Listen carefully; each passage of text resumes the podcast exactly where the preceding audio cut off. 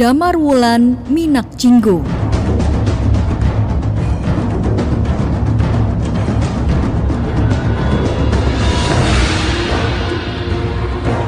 Pada saat Ratu Ayu Kencana Wungu bertahta di Kerajaan Majapahit, tersebutlah daerah yang bernama Blambangan yang terletak di Banyuwangi. Daerah itu dipimpin oleh seorang adipati sakti yang mempunyai tanduk kerbau di kepalanya. Namanya Kebo Marcuet. Pada suatu hari dilakukanlah sayembara. Barang siapa yang sanggup membunuh Kebo Marcuet, maka berhak menjadi adipati di Blambangan dan akan dijadikan suami ratu. Ratusan pemuda ikut dalam sayembara itu, termasuk Jaka Umbaran. Semuanya tidak mampu mengalahkan Kebo Marcuet, maka Jaka Umbaran pun maju. Dia cukup percaya diri karena tahu kelemahan dari Kebo Marcuet. Ternyata Jaka Umbaran ini adalah cucu dari Ki Ajar Panenger, yaitu guru dari Kebu Marcuet. Pertarungan berlangsung sangat seru. Jaka Umbaran memiliki senjata Godo Wesi Kuning. Dengan senjata itu, dia berhasil mengalahkan Kebu Marcuet. Kemenangan Jaka Umbaran disambut gembira oleh Ratu Ayu. Dia pun langsung diangkat menjadi Adipati Blambangan yang kemudian dikenal dengan sebutan Minak Jinggo.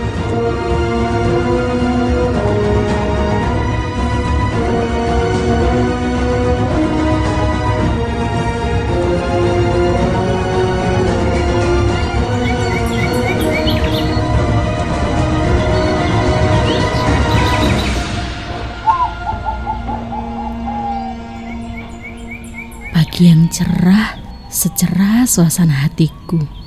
Ku dengar Minak Jinggo sukses membinasakan Kebu Marjuet. Syukur yang tiada henti. Pasti dia akan segera menemuiku. Dia ganteng, idaman gadis-gadis. Permisi, Ratu. Benar kan dugaanku? Suaranya sudah terdengar. Suara khasnya. Saya menghadap Ratu. Loh, siapa kamu? Ratu Pangling dengan saya. Kalau suaranya sih nggak pangkling, tapi wajahmu kok jadi begini? Aku berubah. Memang iya. Berubah banget ini. Masih ganteng kan Ratu? Heh, siapa bilang? Perasaanku saja. Tapi aku merasa masih ganteng. Jujur, jauh dengan yang dulu. Semua ini terjadi karenamu. Wong ayu kekasihku. Kok aku? Iya, aku menuruti keinginanmu kan.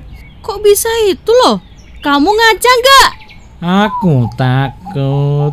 Wajahmu rusak. Tahu nggak kamu? Nggak terlalu mikir. Tubuhmu juga bungkuk. Nggak masalah. Demi kamu, Ratu. Kok demi aku? Ya ini akibat pertarungan seru dengan Kebo Marcoet. Wajahku jadi rusak begini.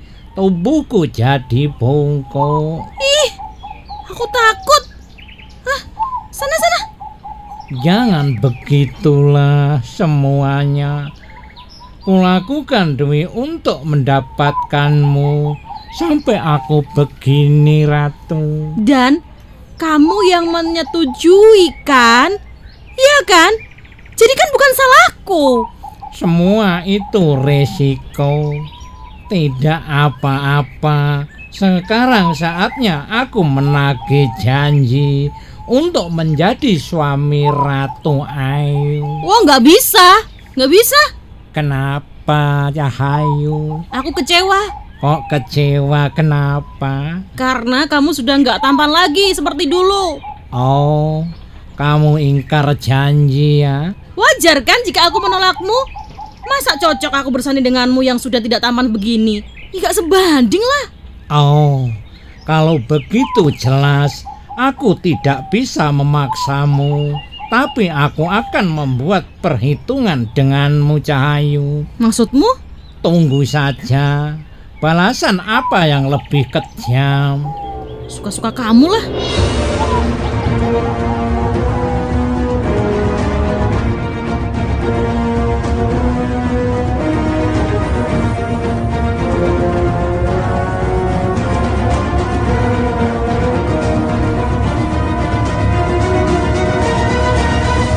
Merasa geram dengan penolakan Ratu Ayu, Minak Jinggo pun menyiapkan pemberontakan terhadap Majapahit.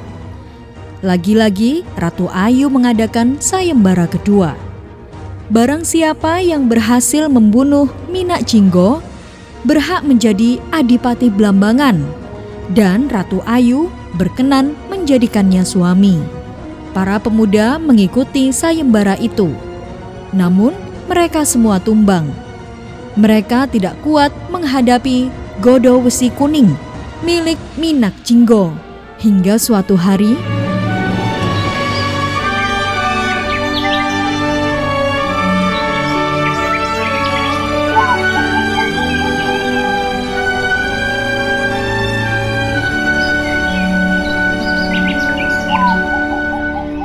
Saya menghadap Ratu.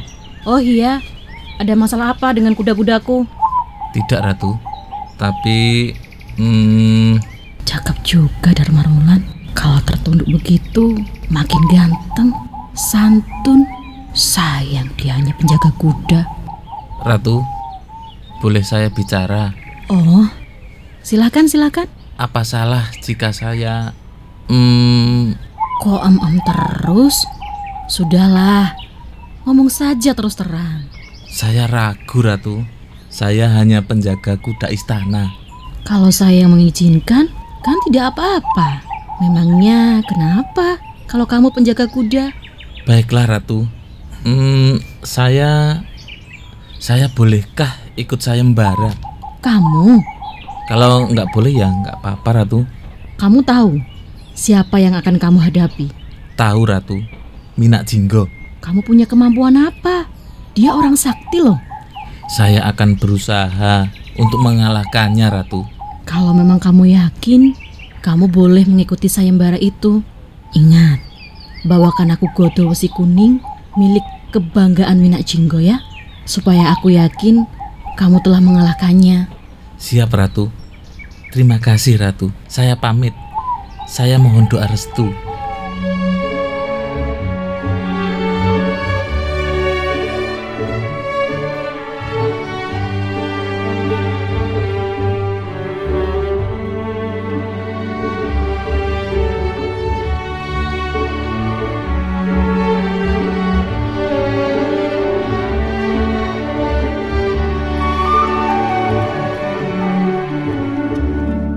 Damar Wulan pun berangkat. Namun, diam-diam Layang Seto dan Layang Kumitir mengikutinya dengan maksud merebut Godo Wesi Kuning itu seandainya Damar Wulan menang. Di saat krisis Majapahit yang tengah menghadapi ancaman Adipati Blambangan, Minak Jinggo, Damar Wulan yang selalu diikuti dua punakawannya, Sabdo Palon dan Noyo Genggong. Mengabdi di kerajaan Majapahit sesuai petunjuk kakek dan ibunya. Ia mengabdi di tempat pamannya sendiri, Patih Logender, untuk mengurus kuda. Dalam pengabdiannya, ia amat menderita karena dua putra Patih, Layang Seto dan Layang Kumitir sangat membencinya.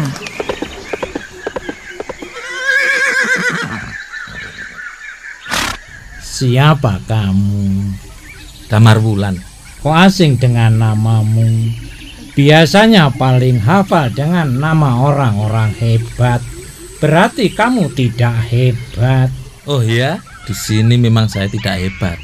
Tapi di desa saya sana sangat hebat saya. Oh, jadi kamu jagoan dari kampung. Terserah apa katamu.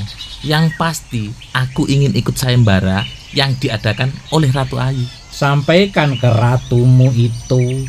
Aku menunggu janjinya yang belum dikabulkan hingga kini. Ratu itu cantik. Kalau tidak berkenan, ya apa boleh buat. Itu namanya ingkar janji. Sudahlah, ku ikuti permainannya. Sampai di mana dia mengerahkan orang-orang sakti pasti masih kalah denganku. Apalagi kamu. Oh ya? Anak kemarin sore menantangku. Biar aku kalahkan kamu sekarang juga.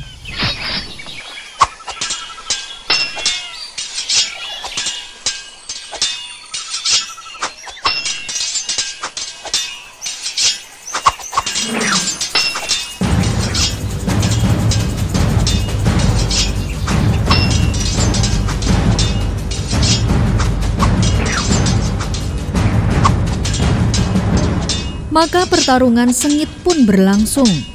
Sayang kekuatan Godo Wesi Kuning tak mampu dilawan Damar Wulan. Dia pingsan dalam pertarungan itu. Minak Jinggo memasukkannya ke dalam penjara.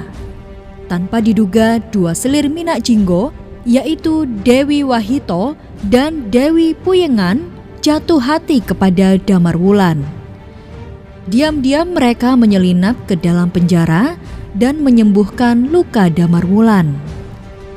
Mereka juga memberitahu kelemahan Minak Jinggo. Sebenarnya dia tidak berdaya tanpa senjatanya, sehingga Damar Wulan harus mendapatkan senjata itu. Maka demi Damar Wulan, Dewi Wahito dan Dewi Puyengan pun menyelinap ke kamar Minak Jinggo dan mencuri Godo Usi Kuning. Mereka menyerahkan senjata itu pada Damar Wulan dan juga membebaskan Damar Wulan.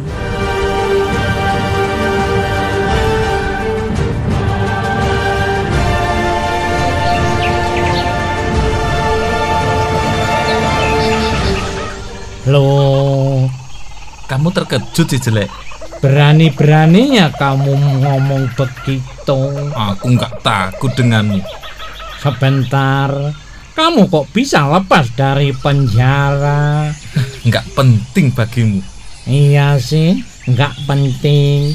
Tapi aku penasaran, siapa yang berani-beraninya membebaskanmu? Rahasia. Aku pasti akan mengetahuinya. Hmm, nggak problem. Maumu apa? Aku tetap akan melawanmu dan mengalahkanmu. Masih tidak jeraya kamu denganku. Sudah jelas-jelas kalah telak. Masih berani sombong di depanku. Sombong katamu? Kalau dengan senjata ini, masihkah kamu katakan aku sombong? Hah? Damar Wulan, dari mana kamu mendapatkan senjataku? Nggak penting lah. Rupanya kamu curang ya. Yang penting upayaku sudah terwujud. Aku pasti bisa mengalahkanmu.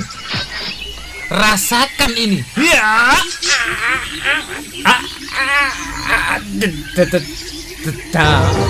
Damar Wulan.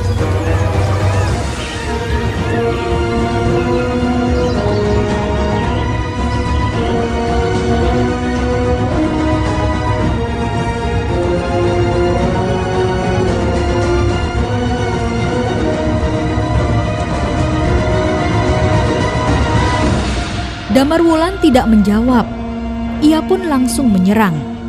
Kali ini, Damar Wulan berhasil membunuh Minak Jinggo dengan senjatanya sendiri. Damar Wulan pun membawa senjata itu dan pulang ke Majapahit.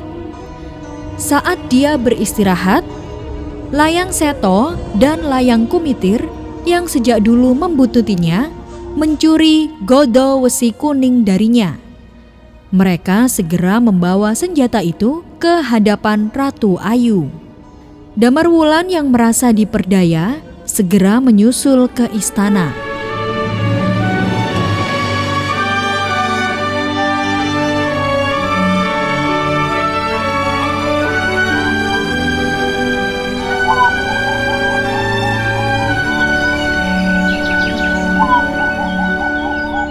Aku bingung yang ikut sayembara dan yang kuizinkan adalah Damar Wulan. Tapi yang menyerahkan gada kusi kuning orang lain, yakni Layang Seto dan Layang Kumitir. Padahal keduanya tidak mendaftarkan dalam sayembara ini. Lagi pula, Damar Wulan kok juga tidak ada kabar beritanya. Padahal dia sudah berjanji untuk memenangkan pertarungan dengan Minak Jinggo. Lalu, di mana Damar Wulan sebenarnya? Masa menipu aku? Hamba menghadap Ratu. Loh, Damar Wulan?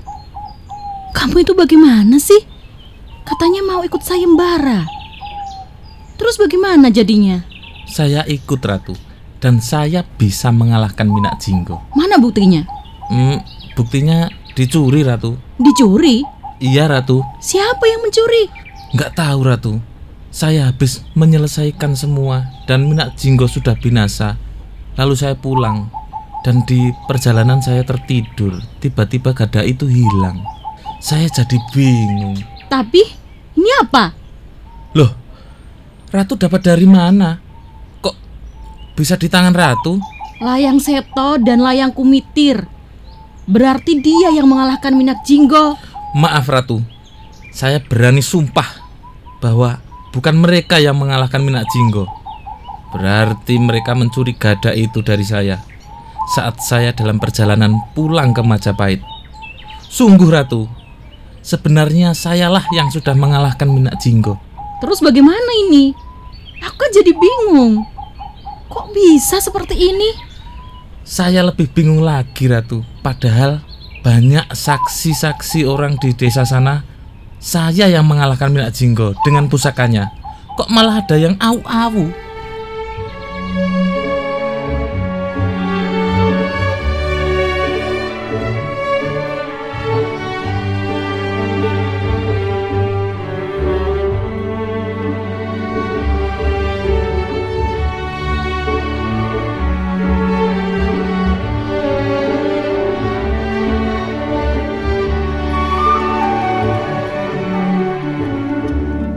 Tiba-tiba Layang Seto dan Layang Kumitir menemui Ratu Ayu. Ya, tetap kekeh bahwa kedua layang yang mengalahkan Minak Jinggo. Buktinya, Godo Wesi Kuning ini di tangan kedua layang. Demikian juga Damar Wulan juga tidak mau kalah. Karena dia sesungguhnya lah yang mengalahkan Minak Jinggo. Pertengkaran terus berlanjut sehingga Ratu Ayu menjadi bingung. Akhirnya, Ratu Ayu menyuruh ketiganya untuk bertarung. Barang siapa yang menang, maka dialah yang berhak menjadi suami Ratu Ayu. Maka pertarungan pun terjadi. Damar Wulan mengeluarkan seluruh kesaktiannya saat dia dikeroyok oleh Layang Seto dan Layang Kumitir. Sementara itu, Layang Seto dan Layang Kumitir terus menyerang Damar Wulan. Namun mereka tidak sebanding dengan kesaktian Damar Wulan. Akhirnya, Damar Wulan berhasil melumpuhkan mereka. Layang Seto dan Layang Kumitir pun mengakui kesalahannya.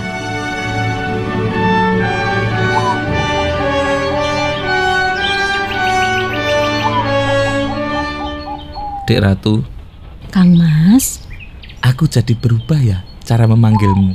Kok agak kagok? belum terbiasa, Mas.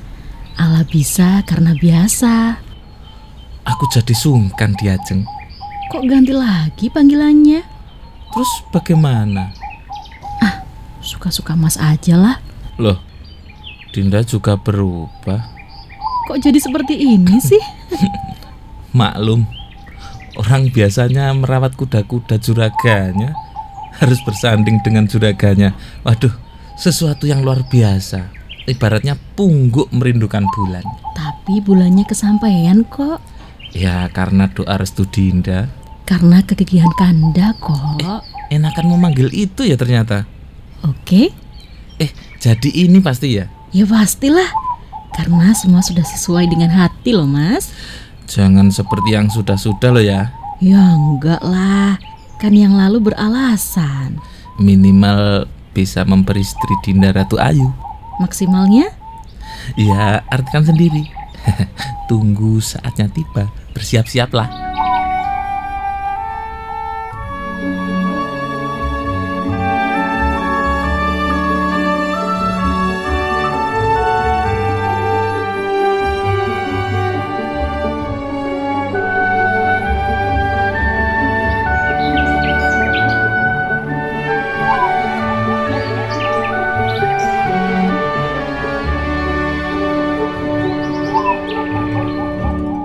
Kanda, Kanda, Iya, Dinda. Kanda, selamat ya. Saatnya Kanda menjadi adipati Belambangan. Terima kasih, Dinda, atas keduanya. Kok keduanya? Hmm, nggak salah kan? Satu, diberi tambukan kekuasaan. Satunya, Memperistri Ratu Ayu Kencana Wungu yang benar-benar cantik. Segalanya. Kanda juga tetap tampan loh. Setelah bertarung dengan Minak Jinggo, Jodoh itu seperti itu ya jalannya. misteri kan? Yang sulit ditebak, Kita syukuri yuk, kita punya amanah untuk memimpin negeri ini. kita berjuang bersama-sama ya Kanda. Iya, Dinda. Kita saling mensupport ya, Dinda. Pasti dong. Aku janji akan membahagiakanmu selamanya, Dinda. Terima kasih ya Kanda. Harapan dalam berumah tangga memang demikian kan? Iya, aku juga ingin adil dengan semuanya.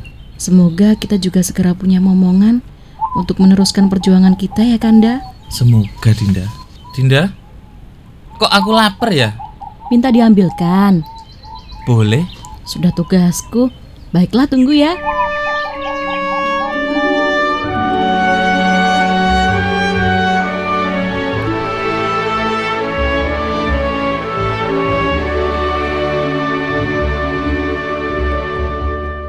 Menurut cerita, Dewi Wahito dan Dewi Puyengan juga jadi istri Damar Wulan.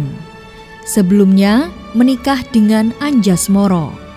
Sebagai imbalan atas kemenangan itu, Damar Wulan pada akhirnya jadi suami Ratu Ayu Kencana Wungu dan memiliki putra yang dinamakan Raden Paku atau Sayyid Ainul Yakin yang nantinya jadi raja di Demak lantaran ibunya yaitu Ratu Majapahit atau Blambangan dengan gelar Prabu Satmoto dan bebarengan memerintah di Majapahit atau Blambangan.